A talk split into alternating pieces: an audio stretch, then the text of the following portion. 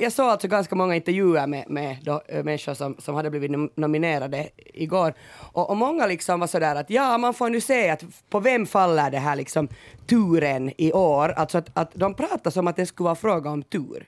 Mm. Eh, nu tänker jag fråga av dig Andrea, är det faktiskt så när det gäller Oscar? Alltså, är det bara fråga om, om, om säker, alltså om tur? När det är fråga om jättemycket pengar och att man har rätt PR-agent, förstås. Det är som när man får skidor, det är fråga om att man har bra utrustning, att någon, kan valla en skidor. Vad är det så fräckt Men liksom? sen är det också det där med att det är lite svårt. Okej, PR-agenter kan skapa snackisar, of course. Men jag tänker, jag tänker på mina erfarenheter från Cannes. Så det är ofta så där att folk säger så här, ja, jag har hört att den där och den där är bra, men egentligen krävs det kanske bara att det är några människor som säger det på några cocktailfester och så börjar det liksom spridas som en snöboll. Och fast folk inte har sett det är det så här, jag har hört att det är bra. Så det kan också vara något mer efemeriskt på något sätt. Spännande. Lite, ungefär, lite grann som jag sa precis. Jag har hört att det ska vara bra. Exakt. Ja, ja, precis. När är det som Oscargalan? 27 i tredje. ja. Och den ska hållas live men de har inte ännu meddelat vem eller vilka som ska vara programvärdar.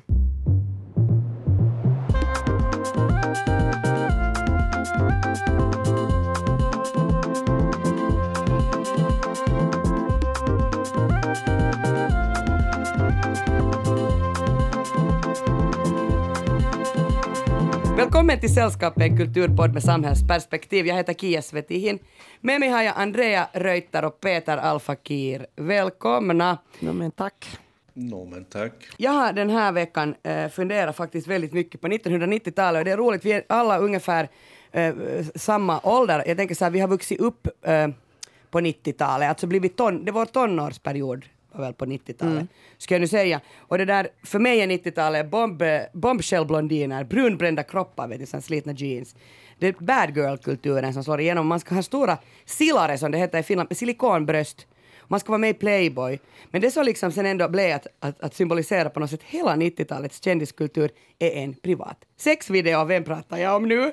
Uh, One Night in Paris, Kim Kardashian, Pamela Anderson. Och Tommy Lee, ja, det är den som startar allting. Det har ju alltså kommit en, en ny eh, sån här serie på Disney Plus som heter Pam and Tommy och den handlar om den här sexvideon. Så jag ska alltså fundera på, är det här, det här blev liksom på ett sätt startskottet också till dagens kändis-reality-tv. Andrea, vad ska du prata om? Jag ska prata om begreppet sober curious. Kanske man skulle kunna säga nykterhetsnyfiken och eh, att hur trendigt det har blivit om min egen relation till alkohol.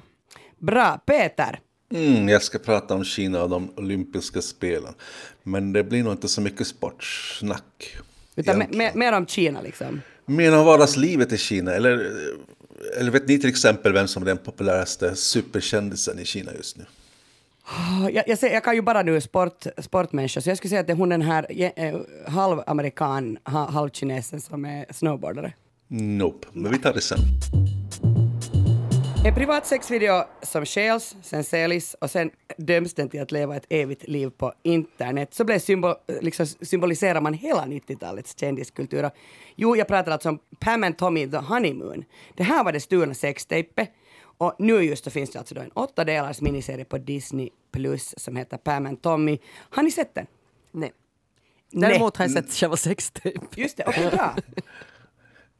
Nej, jag hade nog planerat att se kanske den och kanske sextapen, men jag har aldrig hittat den. Du kanske har någon bra länk där, André? Vi måste ju sätta in länk, alltså jag tror väl den finns, alltså nu finns ju Pam Jag kommer ihåg, det är evigheter det var när den kom ut som jag såg den. Jag kommer ihåg hur jag reagerade så. De var så jätte lö, liksom löjliga. Det var så jänkis tillgjort så att det var svårt att tro att det inte var meningen att det skulle vara en producerad porrfilm. För det var så eh, eh, yeah, Tommy, yeah, yeah. Men det kanske bara är att, Det är de att är. de, de människorna är såna. De är liksom integrerade i ja, men den det kanske, är estetiken. så, det kanske är så de har sex. Ja, very likely.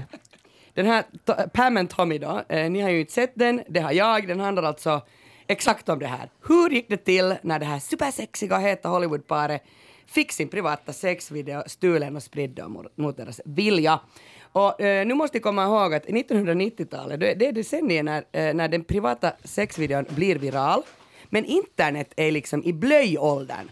Eh, Men ändå lyckas eh, det här konstiga eh, saken skapa decenniets största sexsymbol, nämligen Pamela Anderson. Och samtidigt så kommer det också de här uttrycken som slutshaming och hämpor in i, i våra liv då. Eh, men det som Pamela Anderson och Tommy Lee framförallt gör att de öppnar dörren till det som vi idag kallas för kändis-reality-TV. Men om vi tar det här från början. Hur gick det alltså till när den här sexvideon började spridas som en löpeld över hela världen? Nå, Tommy Lee han är ju alltså trummis i heavy metal-bandet Mötley Crüe och han träffar Baywatch-skådespelaren Pamela Anderson. Det här är mm, på nyåret 1994.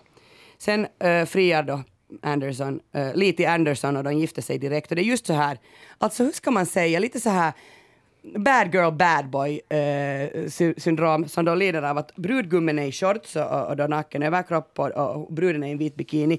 Och de är, alltså hon är, Pamela Anderson är på en jobbresa i Cancun så de är där på stranden. Eh, de använder inte vigselringar utan tatuerar in varandras namn på sina ringfingrar. Och Pamela Andersons mamma får reda på det här giftermålet genom skvallerpressen. Det är liksom verkligen så sex, drugs, rock'n'roll. Och, och, och, just när du sa André, det där, det där sextejpet, alltså det riktiga som du har sett, men de var väl sådana? Ja, de var sådana. Ja.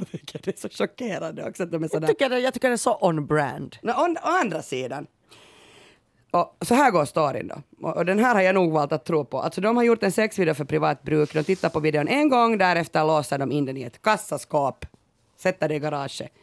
Um, men det här är intressant då att samtidigt håller Tommy Lee och Pamela Anderson på att renovera sitt hus i Malibu och det de vill ha är, är förstås ett sexrum. Så de, de ska ha ett toppmodernt sovrum som ska agera sexrum om man sätter dit vattensängar och sexgungor och strippstångar och så vidare.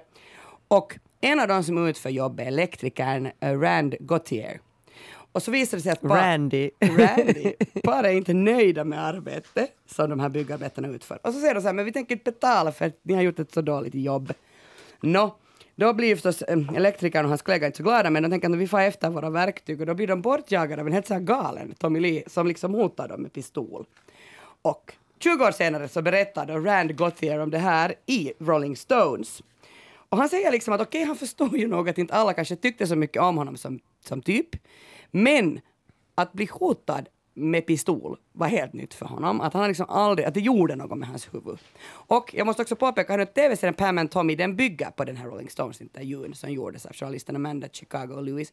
Jag sätter förstås med den i referenserna. Också om vi hittar förstås den här riktiga Alltså ursprungs The Honeymoon. Kan, kan, kan Yle länka till det? Kanske vi kan visa den på den här tema, Yle Temas festival, dokumentärfestival.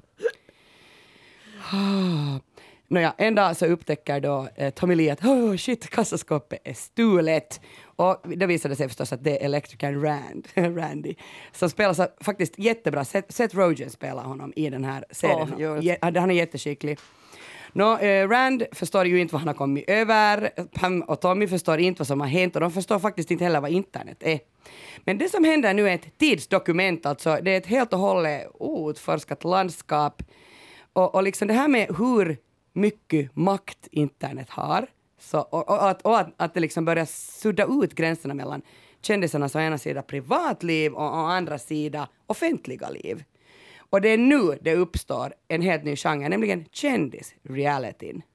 Och det där, eh, nu pratar jag alltså om, om den här videon, Pam and Tommy, The Stolen Honeymoon, som släpptes år 1998. Den drog in 77 miljoner dollar under sitt första år. Det är ju jättemycket pengar och det där paret fick ju ingenting av det här. Det var ju inte de som gjorde fyrken. Det är så jävla, det är det jag tycker är det värsta med det där, att de inte mm. fick del av pengarna. Det är ju deras att De behövde ju verk. kanske inga pengar där men, mm. no, men, det, men det är inte det det handlar om heller. Det, är inte alls, det handlar ju om copyright. Men det som också hände var att på något sätt så Eftersom åskådaren fick första gången så här smygtitta in i något väldigt förbjudet och väldigt privat så, så blev det så jättespännande. Alltså, mitt i allt så delar vi säng med kändisarna. Och i den här tv-serien Pam and Tommy så säger Uncle Milty som spelas av Nick Offerman Uh, han var alltså en av de som sa till att, att den här videon då kom ut i offentligheten. Att det som var mest spännande med videon var att det var privat och det gjorde att man blev ännu mer upphetsad. Och han säger så här ordagrant, which is kind of what makes it so fucking hot.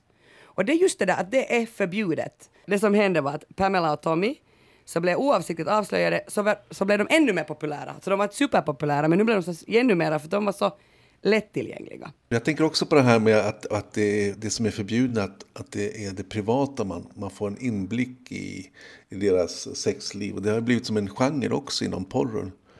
Den här att det ska föreställas som att ett, ett vanligt uh, vardagspar som spelar in sin egen porrfilm som sen läcks ut Ja, det är deras sätt Det, det, ska vara lite, det, ska vara lite, liksom, det ska vara lite klantigt och lite dålig belysning. Det ska se liksom precis som Ja. att de har gjort det. Eller hur så skakig, alltså det ska vara Ja. Alltså, det är ju ja. en jättestor genre med amatörporr där folk lägger ut det själv, obs. Ja, just det. Också. Ja, men det har ju blivit så. Man, man kan ju tänka att, att det, det här också har spett på den populariteten.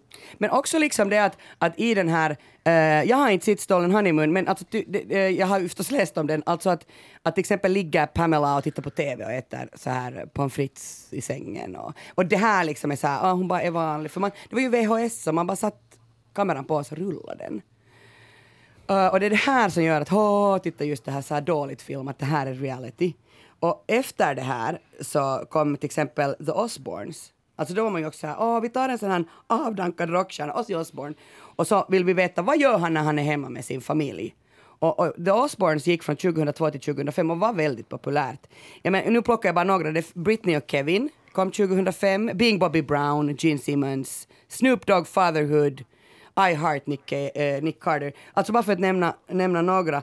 Men, men då tänker jag så här att det, det, det här startar ju alltså från att man bara tyckte att det var så spännande att få en inblick i kändisarnas liv. Men hurdan är den här serien Pam och Tommy då? Ska man se på den? Jag, jag kan ju bes- bespara er här nu ganska mycket tid och säga att ni ska inte se på den. jag tycker faktiskt att den är bra, eh, för den är så underhållande. Har ni sett House of Gucci? Jag har inte sett den ännu tyvärr. Det är lite samma. Peter, har du sett House of Gucci? Nej, men du har tjatat nog ganska om mycket den. om det. Ah, Okej, men jag kan ju säga att den är inte heller så bra, men den är jätteunderhållande. Det händer jättemycket. Och samma är det den här Pam and Tommy. De, och sen är det jätteduktiga skådespelare. Eh, ska vi komma ihåg, Lily James gör Pamela Anderson och, och, och hon får henne också att framstå som kanske lite mera som en vanlig kvinna då. Men det kanske. Jättespännande castingval Aha, det där okej. av Lily James för hon har ju inte det minsta den sortens framtoning i vad hon brukar välja för, för roller. Hon är inte någon sillis brud. liksom. Nej, nej, just det. Men alltså hon, hon har, jag läste en intervju med henne där hon sa att det tog jättelänge att laga de där tissarna varje, varje gång hon Ja. på inspelning. Eh, och det här Sebastian Stan spelar uh, Mötley Crüe-trummisen Tommy Lee. Eh, men jag tycker att så, ah, Sebastian Stan, det är lite pinsamt och lite löjligt, liksom hela det här porträttet. Den, målar, den- lyckas också måla alltså ett, ett romantiskt porträtt. Alltså som du, nu kommer jag återgå till det här som du sa, att den här videon är sådär, alltså det som det ska vara så här jättelöjligt fejkat på något sätt. Men, men, men de är jätte så här kära, Pam och Tommy, i den här serien i varje fall. Det blir en upprättelse för den här kvinnliga sexbomben då, som var så stor på 90-talet. Eh, det är ju ingen överraskning att Pamela Anderson blev skamligt behandlad av medier, av talkshow-värdar, av advokater och av alla som tittar på den här videon. Och det här narrativet tycker jag ligger jättemycket i tiden just nu. Alltså ta alla fallna kvinnor vi har pratat om de här senaste åren. Eh, Britney Spears, Spice Girl, eh, Spice Girls, Monica Lewinsky. Det jag tycker att man, att man liksom kan skönja på något sätt här är att man ska förakta det hedonistiska 90-talet. Och man ska poängtera hur sexistiskt och misogynt kända kvinnor har bemötts.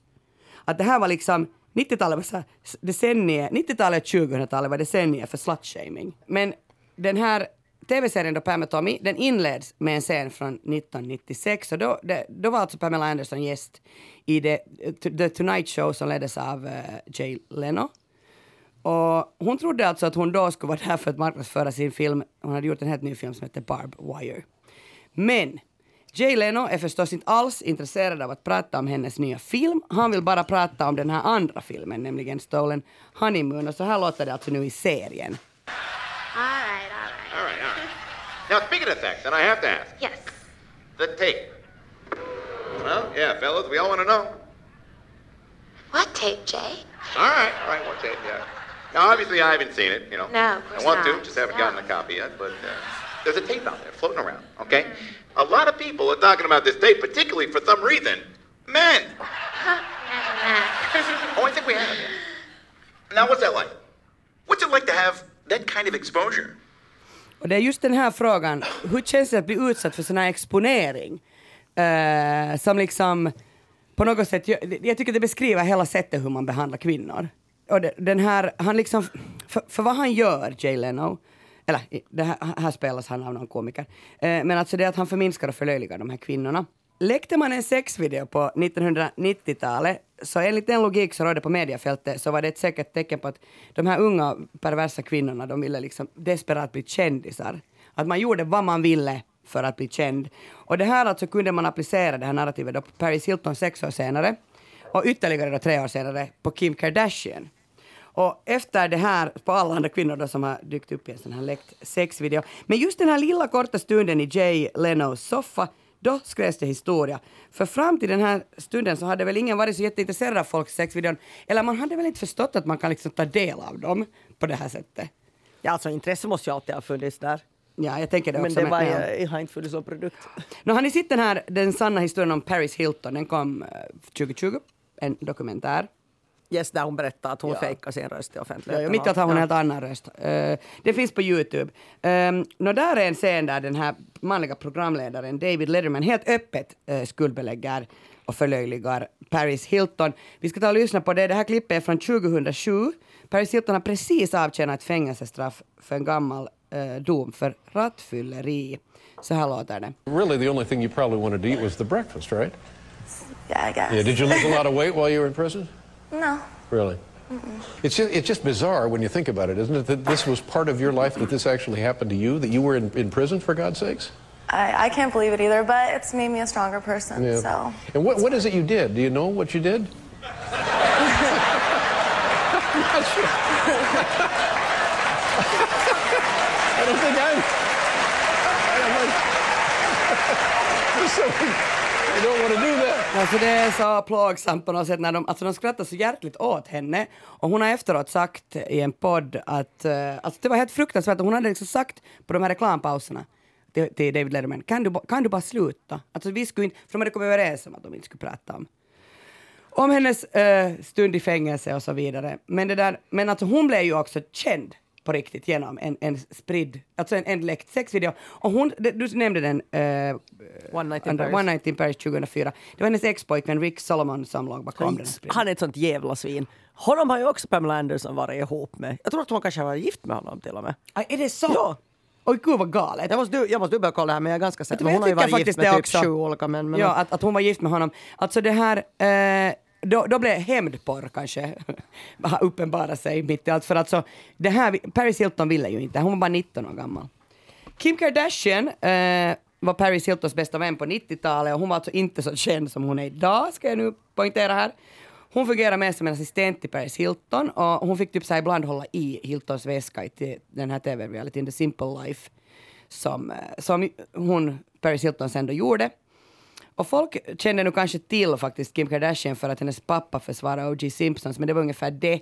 Sen, 2007, så läckte eh, hon en, en privat sexvideo eh, tillsammans, den hette Kim Kardashian Superstar, eh, med då, hennes sexpojkvän Ray J. Och hon blev världskändis. Men har man bevis vem det var som läckte den då? No, alltså, Vivid Entertainment säger då att de har köpt den av en tills vidare okänd tredje part. Och de säger att det här var deras största kassako genom tiderna. Det går fortfarande att säga en viss Mm. För det kan ju lika gärna vara den här mannen som sålde Ja, man vet inte vem det är som, som, som alltså har läckt den. Men det finns massor med, med sådana bevis och rykten, påstådda, vi- påstådda bevis på att det här var en kalkylerad och övervägd move för att Marx... Vad smart, herregud. Hennes egen tv-reality show, eh, den här Keeping Up with the Kardashians. Men alltså det här är ju inte heller bevisat, så att inte vet man.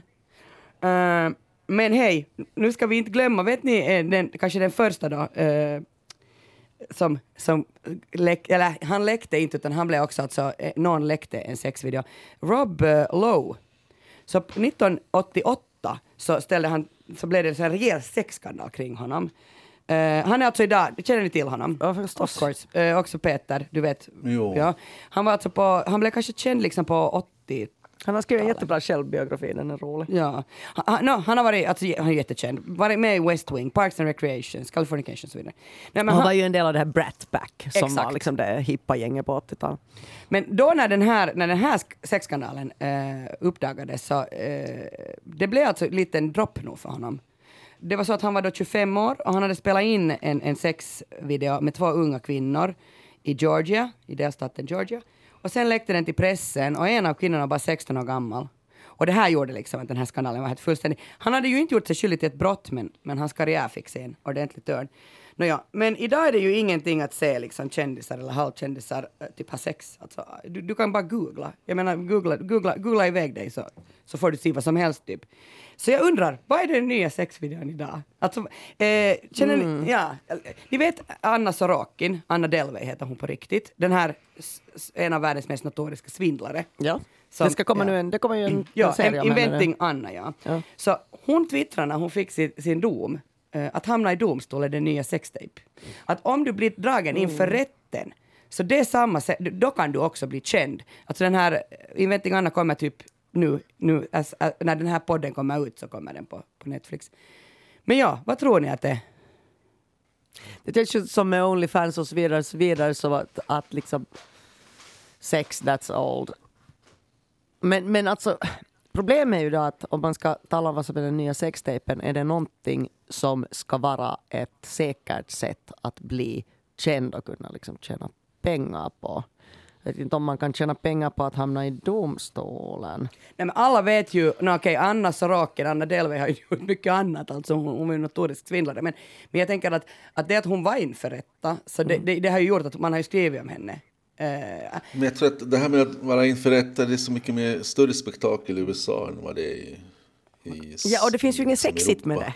Det är det som jag tänker är problemet. För att en, en sextape finns det ju något lockande och kittlande i. Ja, visst, det finns alltid snaskiga detaljer och grejer som lyfts fram i, i en Jo, men det är ändå sånt som troligtvis kanske är dåligt för människan som är där i rätten. Och Jo. det att någon har gjort en sextape kan ju säkert upplevas av den personen som jättejobbigt att folk kollar på det. Men det är ju inte som att den har gjort något fel på riktigt. Den har ju bara knullat. jag har inte heller något svar på att vad är det här nya, nya sextape. Det som jag tycker att det är intressant, att jag har pratat ju väldigt mycket om att Pamela Andersson har fått upp, upprättelse. Liksom. Man har varit så här, nåja, att, att, nu har, att du, du har blivit skitbehandlad Pamela. Men alltså, nu måste vi komma ihåg att varken Tommy Lee eller Pamela Anderson har gått med på att den här serien ska göras. Alltså de har inte gett sitt godkännande. Nej. De har inte velat att det här ska igen få en massa uppmärksamhet. Hon har ju varit väldigt det är ju så man kommer runt det genom att bygga på en artikel i Rolling Stone. Okej, jag vill då tala om det här sober curious begreppet, nykterhetsnyfiken kanske det skulle kunna hända på svenska. Jag har inte hittat det, det på svenska. Men jag har hittat det i många olika eh, tidningar, också här liksom, i Finland, i kolumner och, och krönikor de senaste åren. Ehm, och det är ju nu på något sätt väldigt aktuellt också att det är många som har haft en vit månad. Tippat om tammikko här i, i januari eller kanske att man har i februari. Och, och så här. Och, och, eh, äh, dessutom så ska ju då samhället öppna upp nu så jag tänker att fest är ändå aktuellt. Vi talar om, om Freedom Day där i Sverige var ju nu. Och, ehm, och så att det blir någon slags ikonen vappu, det eviga valborgsmässafirande när det öppnar upp. Och då är det väldigt förknippat med alkohol. Och då tänkte jag då så här, hur ska man, hur ska man liksom orka? Orka, jag skulle säga orka. Eh, för jag vill ju vara med om det här festandet men jag orkar liksom inte så upp hela tiden. Eh, och så dessutom ska det ordnas en klubb i mars på en nattklubb här i Helsingfors som heter Sober Furious. Och det är alltså i mitt tycke den bästa technoklubben i, i Helsingfors. Och de ska ha en klubbkväll som är en riktig klubb, klubbkväll på alla sätt utom att det inte serveras alkohol. Så det känns som att det här är något som ligger i tiden. Och begreppet myntades av Ruby Warrington med boken Sober Curious, The Blissful Sleep, Greater Focus, Limitless Presence and Deep Connection awaiting us all on the other side of alcohol. Den kom Det låter som en mardröm. den kom ut uh, passligt nog på nyår 2018, så man kan kanske säga att begreppet börjar bli känt liksom 2019. Och sen har de kommit med en uppföljare också 2020 som heter Sober Curious Reset, Change the way you drink in 100 days och less, som mer så här som praktisk guide. Um, och det som jag har förstått det här begreppet, jag har liksom tittat på intervjuer med henne, jag har inte läst den här, hela den boken, men så det hon pratar om är hur det startade. Hon bodde i London och, och karriärskvinna. Och jättemycket av hennes eh, liv kretsar kring alkohol. Man går liksom på AV efter jobbet, det är fester, man går ut och sådär. Eh, att antingen så, så drack man eller så jobbade man. Det var liksom hur livet ser ut om man, in, om man inte har barn säkert speciellt. Och att det egentligen inte då var så här, det som man skulle säga att det är så här problemdrickande. Typ att man får några minnesluckor eller beter sig jättedåligt eller liksom vaknar på något ställe, man vet inte hur man har kommit dit eller tappat sin mobil. Eller något. Liksom, det var inte sånt det handlade om, utan det handlade om bara att, att, att och att ingen av hennes kompisar tyckte att hon hade ett problematiskt drickande, obs. Men att hon själv kände att det här är liksom inte bra och att hon fick morkis, som vi säger på finlandssvenska, eller på engelska anxiety, hangover anxiety. Alltså att man, man mår liksom dåligt när man är bakis och, och tänker så Åh, vad har jag sagt, vad har jag gjort? Fast det kanske inte har hänt egentligen någonting, utan det handlar liksom om en känsla. Men så att man själv definierar då att okej, okay, det kanske finns något att undersöka i mitt drickande. Och det är det här curious-biten av sober curious, att man är nyfiken på, på, på allting från att, att varför tar jag nu ett glas vin till? Varför tycker andra folk att jag ska dricka? Varför, hur kommer jag att må imorgon? Finns det någon orsak till att jag dricker som är annan än att det är gott och socialt, liksom något jag försöker, något jag liksom flyr från? Um, och jag tycker det är jätteintressant det begreppet, för det handlar ju då inte om någon slags så klassiskt, så här, du är helt mega alkis, du beter, sig, du beter dig skit, du måste sluta dricka utan mera eh, som jag definitivt själv dricker liksom mera än då Folkhälsoinstitutet säger att man ska dricka. Jag har alltid tyckt att det är helt bisarrt låga de där nivåerna, hur mycket man som kvinna... Vad är det? Det är ju typ så här... Ja, jag vet inte vad rekommendationen men säg att det är nog ungefär fem enheter i veckan. Eller det är nog liksom sådär väldigt, Ja, liksom, väldigt lite. lite. Så nu har jag börjat fundera lite på det här. Ah, är du kanske sober drickande. curious nu då? Så jag är nu då alltså sober curious. Och jag har ju också haft perioder där jag inte har druckit um, liksom månader här och där. Jag hade en, en längre halvårsperiod när jag var mm, väldigt, väldigt intresserad av, av hälsa. Jag tycker att det är en stor skillnad. Alltså när jag har haft, haft de här perioderna så man får liksom superpowers av att all, aldrig ha krabbis, aldrig vara bakis. Sömnen, det är bevisat att, att sömnen påverkas jättemycket, till och med bara om du dricker ett eller, eller två glas vin. Um, och det, på, det på något sätt påverkar ju också ens uh, tränande mycket. Man tränar ju säkert inte om man, om man har druckit dagen, dagen innan. Um, jag har liksom inte något svar nu på de här grejerna, för, på varför jag dricker, för jag funderar på det här jättemycket. Uh, och jag tycker också det är jättegott med naturvin och bubbel. Jag dricker typ inte något annat heller. Och jag blir inte märkbart förändrad av att dricka. Jag är liksom en jättesocial och glad människa när jag går på fest annars också. Och jag får inte heller några helt galna liksom bakisproblem. Och jag tycker att jag inte har något så här barndomstrauman eller andra problem som jag på något sätt flyr från genom att dricka. Men ändå kan jag helt bra så här, hälla i mig en flaska vin på en kväll. Jag, jag, jag är också sån snabb. Jag går snabbt, jag äter snabbt, jag, jag, jag, dricker jag dricker snabbt. Ehm, och så kostar det Och, liksom... du, och du blir nyfiken snabbt. Jag blir nyfiken så att det är så Men sen, bra. jag har hela tiden trott att det här eh, sober eh, curiosity eh, handlar om, alltså att det, den här, att uttrycket handlar om det där eh, nyfikenheten som kommer när man inte dricker. Att mitt i allt är man nyfiken på livet igen. Att liksom det är som att vakna till, en, Jag tror till, en ny, till ett nytt liv. Ja, men det tror jag säkert också just då det där att man, man, man kanske om, om alkoholen utan att man har vetat det är något, något sätt att bedöva någonting som liksom sen kommer då liksom upp. Hur är det, visst dricker du också alkohol Peter eller? Jo, visst dricker jag alkohol. Jag skulle precis säga att jag är ju tvärtom, att jag är drunk curious. Ja, du har just det är mycket... Du just öppnat ölen. ja, Du bara, äh, måste lite öl här. Är klockan är redan elva, nu, nu öppnar baren. Nej, men jag tänker att, att de gånger jag har druckit, så, eller varför jag dra- började dricka, jag började dricka sent egentligen. Jag började kanske bli full när jag, först efter 18 år, så det är ganska sent. Eh, men det var mer en nyfikenhet på, på vem man är som människa. Och man försökte, eller jag försökte i alla fall, tänja på barriärerna för min egen nyfikenhet genom att, genom att dricka. Det känns, för mig känns det, hela det här eh, sober curious eh, som, som ingenting. Det är bara som en stor nihilism.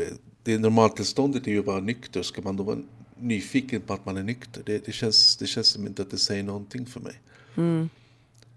Jag tycker att det, mm, det som att jag tycker att det är intressant är just det där att man kan på något sätt identifiera sig i det där med att det kan uh, finnas någon poäng med att inte dricka även om man inte liksom är textbook alkis. Men tänker du inte heller att det kanske här finns det en nisch för de här self-help Absolut, böckerna? och jag tänker att det, allting att, är liksom... man, nu har man liksom skrivit ett tusentals böcker om hur du ska drick, dricka mindre och hur du är som, som missbrukare, vad det nu än gäller, alkohol, droger eller sex. Och nu här kommer det, vad finns det en nisch som vi inte har liksom gått till botten med? Jo, det är normaltillståndet att vara nykter. Snart kommer det så, sådär curious eh, awake, att man är, man är liksom nyfiken på att du är vaken. Du är curious, curious drinking water. Alltså jag, tycker om, jag tycker om det här som du säger Peter, så att men man, är- no- normaltillstånd är väl ändå att man är nykter. Varför ska man vara nyfiken på det? No, men det handlar ju om att vara nyfiken på att hur det är det om man är nykter i längre perioder. Inte att hur det är att vara nykter på arbetet. Liksom. Att det är så- Jo, jag jag jag är ännu förstår, jag nykter och klockan är bara tolv i Finland.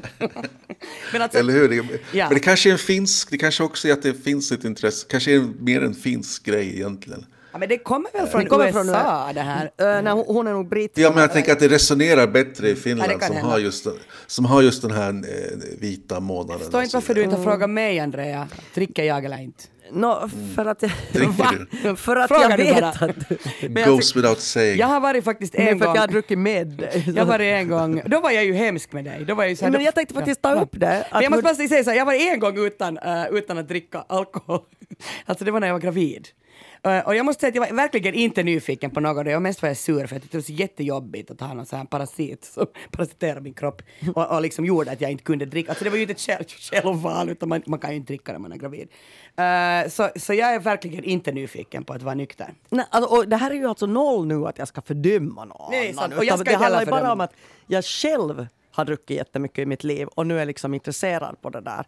Och, och, och det är ju inte som sagt, jag har haft mycket vita månader och längre perioder, så det är ju inte heller det att jag har erfarenhet av hur det på riktigt påverkar en mycket. Men det som vi börjar så lite tala om, jag måste ändå ta upp det nu, ska jag vara så här Jacques, för jag är i studion Jag med vet, Kia. jag vet, vi var alltså på en, på en eh, tillställning i höstas. Ehm, Ah, jobbtillställning kan jag en ännu jobb, påpeka. obs, jobbtillställning. Och, och då hade jag min vita månad i november och drack äh, alkoholfritt vin som serveras där. Och sen när vi ska åka tillbaka, äh, vi bor i samma område så vi ska ta taxi därifrån, så då liksom kommer det på något sätt fram och då är Kia helt sådär Va? Dricker du inte? Och jag så här jättetyp beskyller. Jag var såhär, alltså vad är problemet? Tycker du jag har varit mindre rolig eller vad, är- vad är grejen? Så nu undrar jag, varför reagerar du Mm. sådär på det där? Jag vet inte. Därför att, för att jag vill... För att jag vill... Uh, jag vet inte. Jag tänkte, tror jag, när jag tänkte efteråt på det så, så tror jag att det handlar om att jag alltid hade föreställt mig att du är sån där som dricker massor och att vi ska dricka jättemycket på den här festen tillsammans och sen gjorde du inte. Men du var ju alltså faktiskt exakt lika rolig och lika liksom den där din livsglädje och, och den här ditt eh, sätt att vara är, är, är samma när du är då helt tydligt nykter eller när du har druckit. Nu, nu, är det inte sen, nu får ni inte tro att det är så att jag ligger och dockar någonstans i något hörn utan jag tycker bara om att dricka lite skumpa och så här. Jag, jag är Tim Peter här. Men ja, så, så jag tror att jag liksom hade på något sätt... Alltså men när du sa Känner du det, dig liksom lurad? Ah, kanske lite. Och men sen när du sa det till mig efter, eh, eh, vi träffades, eh, nå- jag tror kanske vi poddade nå- nå- någon tid senare, då sa du så här, det var sen ganska oschysst av dig. Och det var så bra! För efter det har jag liksom blivit så här, okej fine jag måste sluta. Jag har trott alltså att jag inte är sån som, som påpekar att människor, vad de dricker eller inte dricker. Herregud, Vill du dricka kaffe, drick kaffe. Vill du dricka alkoholfri öl, drick det. Så jag har liksom uppfostrat dig. mig. Yes! Någonting har man åstadkommit i Det det som kallas för, det är det som kallas för sober shaming.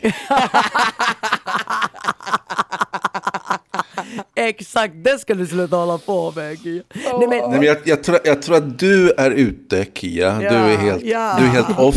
Du är jättemossig. Och Ja. jag tror att Andrea är helt, helt liksom, hon är in tune med, med zeitgeisten här. För vi har ju en helt ny generation med ungdomar som är, är precis sådär att det ska vara liksom nyttigt och det ska vara lugnt och det ska vara ja, bekvämt jag har och liksom det ska vara siffror på, tryggt. jag har siffror på det här. Yes. Ja, Ehm, jag, misstänkte att de skulle komma. ja. Mängden alkoholfritt som säljs på Alko eh, har fördub- mer än fördubblats det senaste decenniet.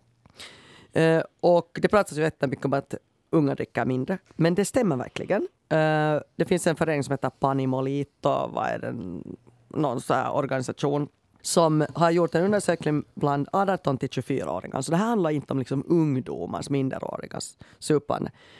Så då är det en tredjedel, eller 29 procent, som säger att de inte alls dricker år, eh, någon alkohol. Men det, för fem år sedan, alltså 2016, var det endast 12 procent som sa att de inte alls dricker något. Och 2018 var summan 16, så det har då gått liksom från 12 till 16 till 29 procent på bara fem år. Um, så det finns ju någon sån här trend. Okej, men nu tänker jag så här, vad, vad ska man då liksom göra? Därför att jag tycker det är jätteroligt att dricka bubbel och nattvardvin. Och jag tycker det är jätteroligt att, att vara med folk och, liksom, och festa. Och nu ska ju dessutom då bli den det, det eviga valborgsmässofirande typ några år framåt. Så hur ska man liksom göra med det här FOMA, fear of missing alcohol-saken? Jo, jag tänker att det finns andra sätt att vara nykter förutom att skippa själva festen. Man kan till exempel dricka, säga under en lång kväll att man dricker tre portioner alkohol.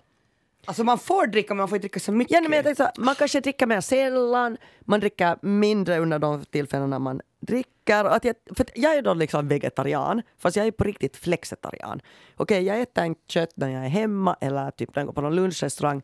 Men sen när jag går på någon fin restaurang kanske jag äter en tartar eller när min pappa bjuder på älg eller något sånt här. Eh, Så att man kan ha den här sortens inställning till alkohol. Att jo, jag dricker inte alkohol, fast jag dricker alltid emellanåt lite alkohol. Men det är liksom onödiga. Och orsaken till att jag också nu tog upp det här den här veckan är att jag var på Göteborgs filmfestival förra veckan och jobbade. Och då var det ju varje kväll någon sån tillställning. Och då drack jag, och sen så åkte jag till Stockholm och hälsade på mina kompisar, vi var på några bra restauranger och så, här. så jag drack liksom varje dag i typ en vecka. Och jag var så helt slut efter det där. Och jag orkar bara inte må så. Man börjar bli gammal och man är också så här försoffad efter den här pandemin och allt. Att jag vill liksom vara med om allt roligt som händer och jag säger hur ska jag göra det? Okej, jag måste börja träna mera och, och kanske bara dricka mindre för då orkar jag vara med. Och sen om man någon kväll inte är med så länge för att det kanske är lite tråkigt för att alla andra har blivit så fulla så är det kanske inte så farligt. Då kan man gå hem. Så jag tänker jag. Köper vi det här Peter? Nej, för det där... Yes! Där Nej det gick vi inte med på. nej, det gick- vi går inte alls med på det här. här Helt super, vi har olika åsikter. Nej, men jag tänker på den där diskot, vad heter den där? Vad sa du, den där klubben som man... Sober Furious. Sober Furious. Åh, det, det, det får mig bara rysa. Alltså jag är tyvärr Men- borta men jag då. tänker, Jag tycker för det mig ska när vara jag så ser spännande att se. När jag ser Sober Furious så tänker jag liksom i afton disco på luckan i Helsingfors. Det är precis samma nivå. Vi har är inte begreppet limodisco, läskedisco, i alla fall här i, Finland. Alltså, se, eh, Men jag, jag tänker också för mig, jag, jag, jag, nu ska jag inte skylta med det, men jag, jag är uppväxt, min far är ju, eh, fars familj är muslimer.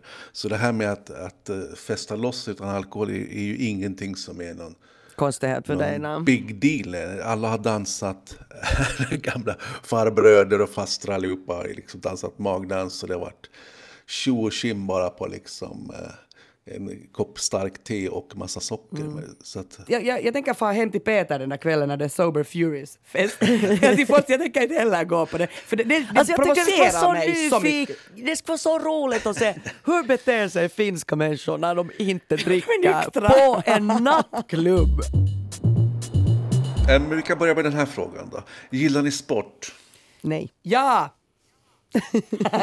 jag, gi- jag gillar faktiskt både alltså att, att idrotta och träna själv, men jag, jag tycker också om att titta på sport och läsa sport. Jag är helt, helt ointresserad av allt annat än röra på mig själv. Jag, blir så, jag är otroligt intresserad av att läsa krönikor om sport. Det är det bästa jag vet. Att jag har blivit helt sån där... Jesus. Igenom bra. alla krönikor jag hittar. Speciellt nu under OS är det ju så spännande! Ja, det är sant. Men, men jag tycker också att krönikekonsten, i, alla fall i svensk press, har blivit duktig. De eh, sport, sportkrönikörerna är väldigt skickliga i Sverige.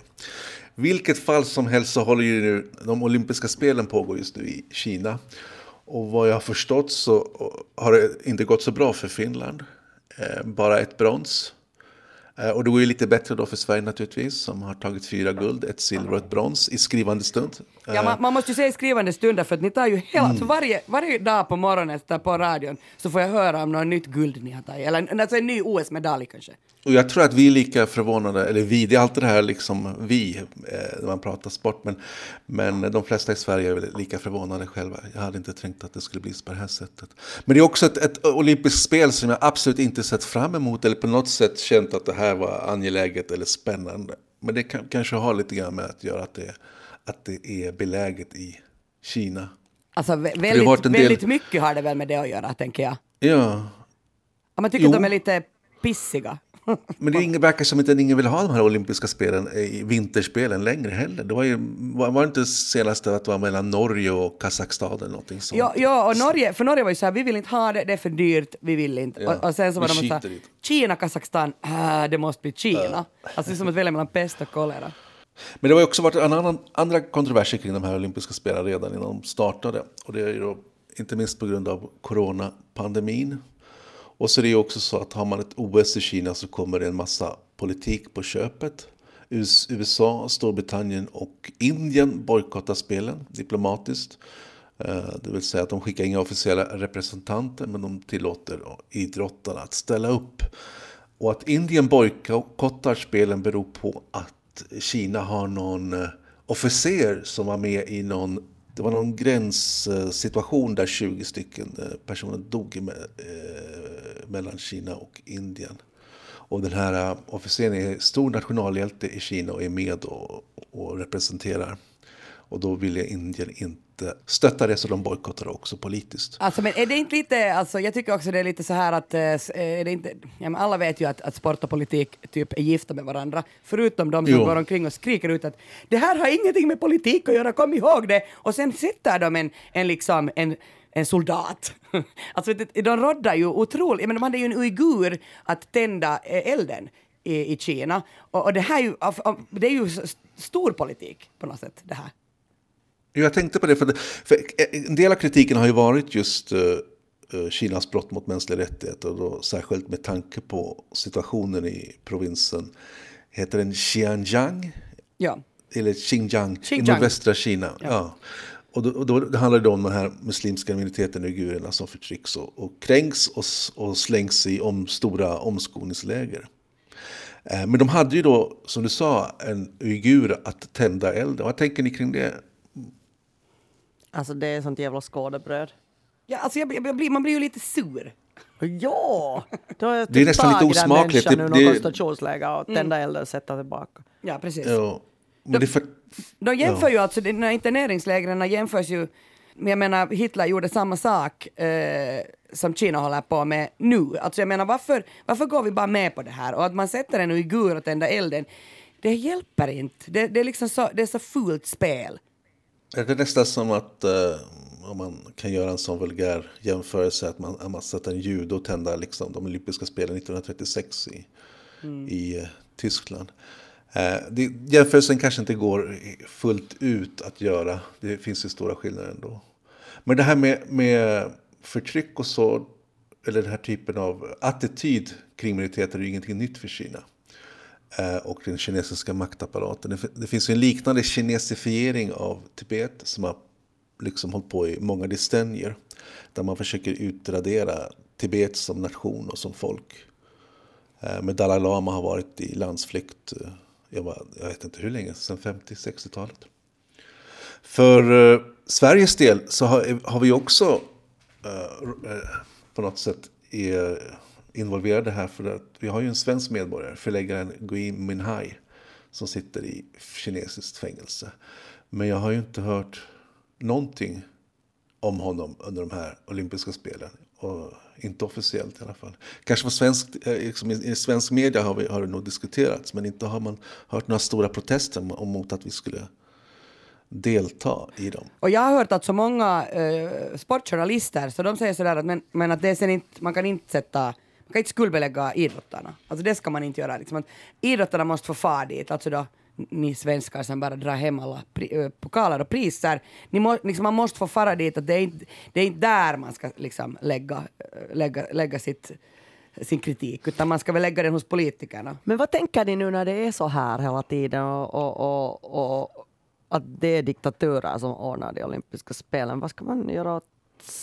Men det är alltså- också för att jag skulle säga att, att det största problemet är väl egentligen olympiska kommittén som verkar vara en samling. Men det är väl en genomkorrumperad organisation? Ja, mutkolvar. Så det Ja. är därför man också har, och även samma sak med, med vad heter VM fotboll som hamnar i Qatar. Ja, Är det bara, det är helt det är lite. Alltså de håller ju på med sportwashing som, som det heter, alltså det är att man, Ja. man liksom tvättar, tvättar sin politik, eller tvättar sitt skamfyllda rykte genom sport. Men jag, jag vet inte, det är svårt. Om jag själv vore aktiv i- inom sporten eh, skulle vara ett svårt val. Även om man lever för sport. Det, det, det blir så endimensionellt också. Eh, Sport på elitnivå kan vara otroligt själviskt och egoistiskt. Men det, må- man måste ju nästan vara Men jätte... det är väl självklart att ja. idrottarna inte ska behöva börja bojkotta. De har ju jobbat som Nordora i hela sitt liv. Jo, men de det finns ju andra idrottare som gör annan tolkning också. Till exempel den här, vad heter han, Kaepernick som satte sig på ett knä och skulle protestera mot nationalsången. Ja, exakt. Eller mot uh, övervåld. Han, han gjorde ett politiskt val av sin, sin um, idrottskarriär. Man skulle kunna tänka sig att, uh, Det att krävs de ju gör väldigt också. mycket Det finns, att någon ska göra det. ja, det krävs väldigt mycket um, integritet. Det kanske är inte det man ska kräva av en, av en sportutövare. Ja men som hon den här snowboardaren också, eh, den här som jag, som jag nämnde, den här, hennes mamma är kines, hennes pappa är jänke eller något sånt här och sen har hon vuxit upp i USA men sen bytte hon nationalitet till eh, kinesisk nationalitet just innan OS och hon är alltså jätteskicklig, hon, jag tror att hon vann. Alltså typ fick hon, nu, nu kan jag inte det här helt utan till men vann hon OS-guld i, i, i någon snowboard-tävling, alltså nu under OS och, och, och, och hon är så här bara, men jag skiter i liksom att att jag gör det här. Att det här är, jag får välja själv. Man påstår Men att, alltså, hade kinesiska, att det är bytt- kinesisk propaganda. Men hade hon bytt innan kvalen? Jag, alltså hon, För att hon för det finns ju en poäng i att hon liksom kvalar in från Kinas sida men hon kanske inte ska kvala in med den hårda konkurrensen i USA. Det här är bara nu, alltså, jag vet ingenting om det här. Det är en teori varför man skulle göra det. Alltså Eileen Gu, Eileen Gu är den som jag pratar om. Uh, alltså hon bröt med USA för att tävla för Kina. Eh, och, att, och att hon liksom en, hon, hon, vill, hon själv förstås, det här blir ju alltså storpolitik, för hon blir ju en spelknapp för Kina. Eh, men jag vet inte när hon har, liksom exakt när, men att jag tycker att det var typ under, alltså helt nyligen som hon bytte nationalitet. För men det skulle vara en, log, det skulle vara en logisk förklaring. Annars tänker man ju att hon typ har fått pengar. Eller kanske bara älskar sin mammas modersland mer. Hon säger, man har frågat liksom att, att, att handlar det om att hon ska få mera pengar, då säger hon att, att, att nej, nej, att, att inte har nationsbyte något med pengar att göra. Och att hon känner inte att hon utnyttjar sina båda hemländer. I don't know. Men, men Kina är så brutalt på något sätt. Jag menar, jag tänker på, på den, här, eh, den här tennisspelaren. Jo. Um, Peng Shuai.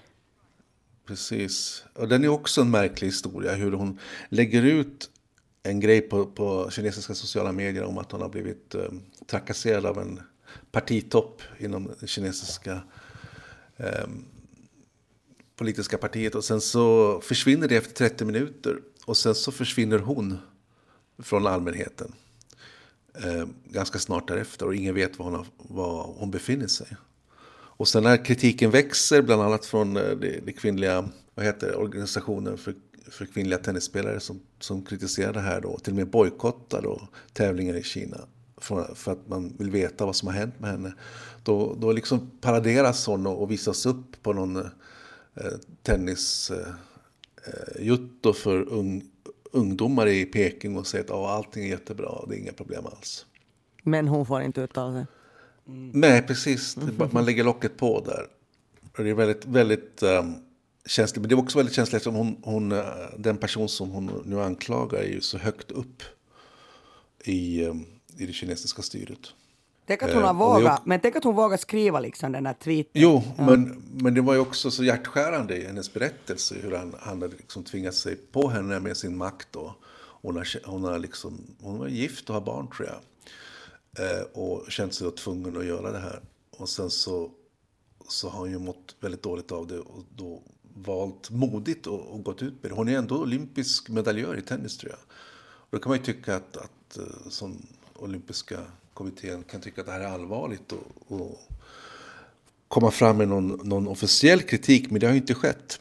Det är, ah, det är ingen som säger någonting kring det här. Alltså där är nog också OS-kommittén såna, såna as, alltså att de är bara så här, ja ja men så här är det. Man fick ju en video där att hon mår helt bra. Men alltså va? Ja, eller hur? Det var, det var precis, de, han, någon ordförande där sa, ja, men jag har pratat med, med pengar i telefon och hon sa att hon mådde så bra och det, det räcker för mig. Jag, Det var bara den här kvin, det kvinnliga förbundet som, som protesterade på allvar. jag läste alltså helt nyligen en artikel om eh, Kina em, i Dagens Nyheter som, eh, som, som handlar om liksom hela hur Kina fungerar och alltså att det är en, dik, en diktatur men att de här, och att de här, alltså hur många miljoner människor bor det i, i Kina? Är det inte 1,3 miljarder? 1,3 till 1,4 skulle jag gissa. Och att, och att de har liksom Miljarder. stenkoll på, på sitt folk. Men att 99 procent av, av kineserna då lär ska vara helt nöjda med, med, med sitt liv. Att man har mat på bordet, man har jobb, man har utbildning, man har liksom, allting fungerar. Man, 99 procent är nöjda. Och, och, och man är nöjd också, allting fungerar så länge du inte börjar klaga på eh, på någon som styr. Eller liksom vill ha någon egen åsikt eller göra något eget. Men de är, så, de är så fiffiga också, kineserna. På hur de bygger upp det här. Att, att, att de har ett övervakningssystem där man får olika sociala krediter. Och de här krediterna är jätteviktiga om man vill ta lån eller på något sätt få ett jobb eller göra karriär så måste man ha bra sociala krediter. Gör man småbrott, går man över, över övergångsställe fel eller man uttalar sig på de sociala medier kritiskt så, så liksom minskar ens sociala status. Och det betyder att, att folk sysslar med självcensurering och ja. de behöver inte ha den här våldsapparaten att styra folk utan folk styr sig själva och sina grannar. Det är jättesmart. Och är, det, och är det inte så att de är helt superövervakade? Alltså det, det finns jo, kameror de har, som filmar dem överallt? De är, ja, det är, allting som i Kina är ju helt futuristiskt egentligen. De har eh, kameror med ansiktsigenkänning, teknik, som vet, så de vet i princip var alla människor är ja. och vad de sysslar med. De har stängt ner stora delar av internet på så sätt, eller skapat sina egna forum. Så de har sin egen YouTube, sina egna Facebook-grejer, sina egna köpgrejer. Så det behövs liksom inte ens sträcka sig ut ur, ur landet. Som de också då har kontroll på, vilket också är väldigt smart. Men det, det, det jag skulle säga är att, att det mesta som vi får höra om Kina handlar ju om handlar oftast om förtryck och övervakningssamhälle och eh, begränsade mänskliga rättigheter och, och även saker som eh, de här konflikterna i Sydkinesiska sjön och annekteringen av Hongkong och, eh, och sånt. Och sen så blandas det också med nyheter om Kinas expansion på den ekonomiska världsmarknaden. Där, där landet då investerar i hamnar och motorvägar på den afrikanska kontinenten. Och de investerar också i mo stora motorvägsprojekt längs med gamla Sidenvägen nu. Eh, som också är väldigt intressant. För att de tänker att om eh, den här sjövägen stängs så, så ska de kunna fortsätta att exportera sina varor längs med, med den här landvägen. Mm.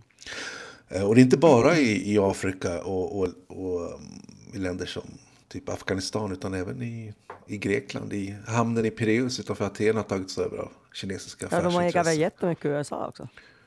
Jo, precis. Eh, och det är det man hör då. Men, men, men är det här då hela sanningen om, om Kina? Vad vet vi egentligen om, om Kina? Vad är det som och hur, som du säger, hur upplever vardags, eller vad ska man säga, svensson-kinesen sin tillvaro? Och man kan ju också tänka sig att om man säger 99 procent är nöjda, säger vem då? Alltså säger, är det, är det, är det liksom kommunistpartiet som säger det? Nej, säger de inte 100 procent? Ja, visst, man kan, man, kan, man kan ifrågasätta hur den här eh, frågan har ställts. Men, men om man ändå jämför uh, den här approval rate som en vanlig amerikansk president har. Det brukar väl ligga på 40-50 procent, kanske 60 procent om en väldigt populär president. Jämför det med Kinas 90 eller över 90 procent så är det en jättestor skillnad. Om man, om man tänker så här då, att, att man är kines och de senaste 30 åren så har ju liksom landet plockat upp miljoner och åter miljoner människor ur absolut fattigdom. Om man åker till, till Kina idag så är det ju som ett vilket modernt land som helst, som inte till och med är modernare. Åker man taxi så har taxibilarna liksom eh, tv-apparater och, och robotröster som berättar allt vad man ska göra. Det, allting är teknik. Det finns ett video på YouTube som man, man får följa med hem hos en vardagskines. Hur de lever så, så är det alltid något stort skyskrapan och bostadskomplex och så kommer han in där i någon anonym port och sen så hem till någon och så visar de upp hur de bor då. Och det är prylar och det är gadgets och det är elektronik och det är, och det är liksom på ett helt annat sätt än vad man själv tror. Det finns också andra YouTube-videos. På TikTok finns det ett konto som jag tycker väldigt mycket om. Då är det en kines på landsbygden som, som filmar. Han har alltid någon sån här tysk rocklåt i bakgrunden och så får man se hur han, hur han lagar mat då på en vedspis i ett ruckel. Alltså, det är väldigt bra. Så det, det, här gör du Peter, du tittar på YouTube? Det här gör jag, jag sitter på TikTok och tittar på kineser på, på dans. men det, men det är okay. fascinerande. Jag, jag har själv varit i Kina, jag var där för uh, ett antal år sedan, 2009. Uh, eh, och jag minns ju när man landade i Peking och, och skulle åka in till centrum med med taxi och så, så såg man de här skyskraporna som dök upp. Det var helt beige på, på grund av det här ökendammet som blev låser in över Peking och sen så tänker man oj, var flygplatsen så nära eh, citykärnan? Men sen så går det liksom en timma, två timmar och det bara är skyskrapa på skyskrapa på skyskrapa. Det är så otroligt enormt. De här bostadskomplexen är helt, helt, helt gigantiska. Och det var liksom också då jag fick för första gången en känsla av storleken på Kina och vad som har hänt de senaste åren. Jag tror att man, man eh, missbedömer lätt Kina utifrån sina egna föreställningar, preferenser. Och om man pratar med en, en, en vanlig kines um, så har de en helt annan upplevelse. Visst, de har matats med annan information från medier och så vidare. Men, men just känslan av att man gemensamt har lyft landet från fattigdom finns en enorm stolthet också mm. gör att det man kan har väl en... ingen förneka, men hur många eh, entreprenörer och, och nya jätteviktiga uppfinningar kommer därifrån? Nej, precis. Och det blir kanske på, på, grund av, eller med den här bristen då på, på kreativitet. Och sen så kan man ha en annan, en annan kritik om att, att Kina har varit så fruktansvärt efter därför de har inte tillåtit mänskliga rättigheter eller kreativitet. Mm. När andra länder som Korea och Japan har tagit sig ur fattigdomen för 50 år sedan så var Kina med Mao Zedong och, och den här kultur språnget har de, har de hållits tillbaka och först då början på 80-talet så släpptes det loss eller öppnades upp. Så det kan, visst, eh, det kommunistiska partiet har lyft upp Kina, eh, det kan man inte neka till, men de har ju också tryckt ner det tidigare. Du glömde jag nämna vem som var den kändaste kinesen. Ja, men säg då, vem är den kändaste kinesen? Ja, enligt, enligt Forbes China Celebrity List så är det då eh, hjärtkrossaren Jackson G. Har ni hört talas om honom? Aldrig.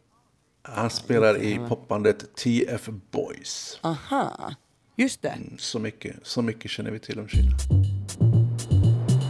Alla referenser hittar du i avsnittsbeskrivningen på arenan. Vi hörs. Hej då! Hej då! Ajöken. Ajöken!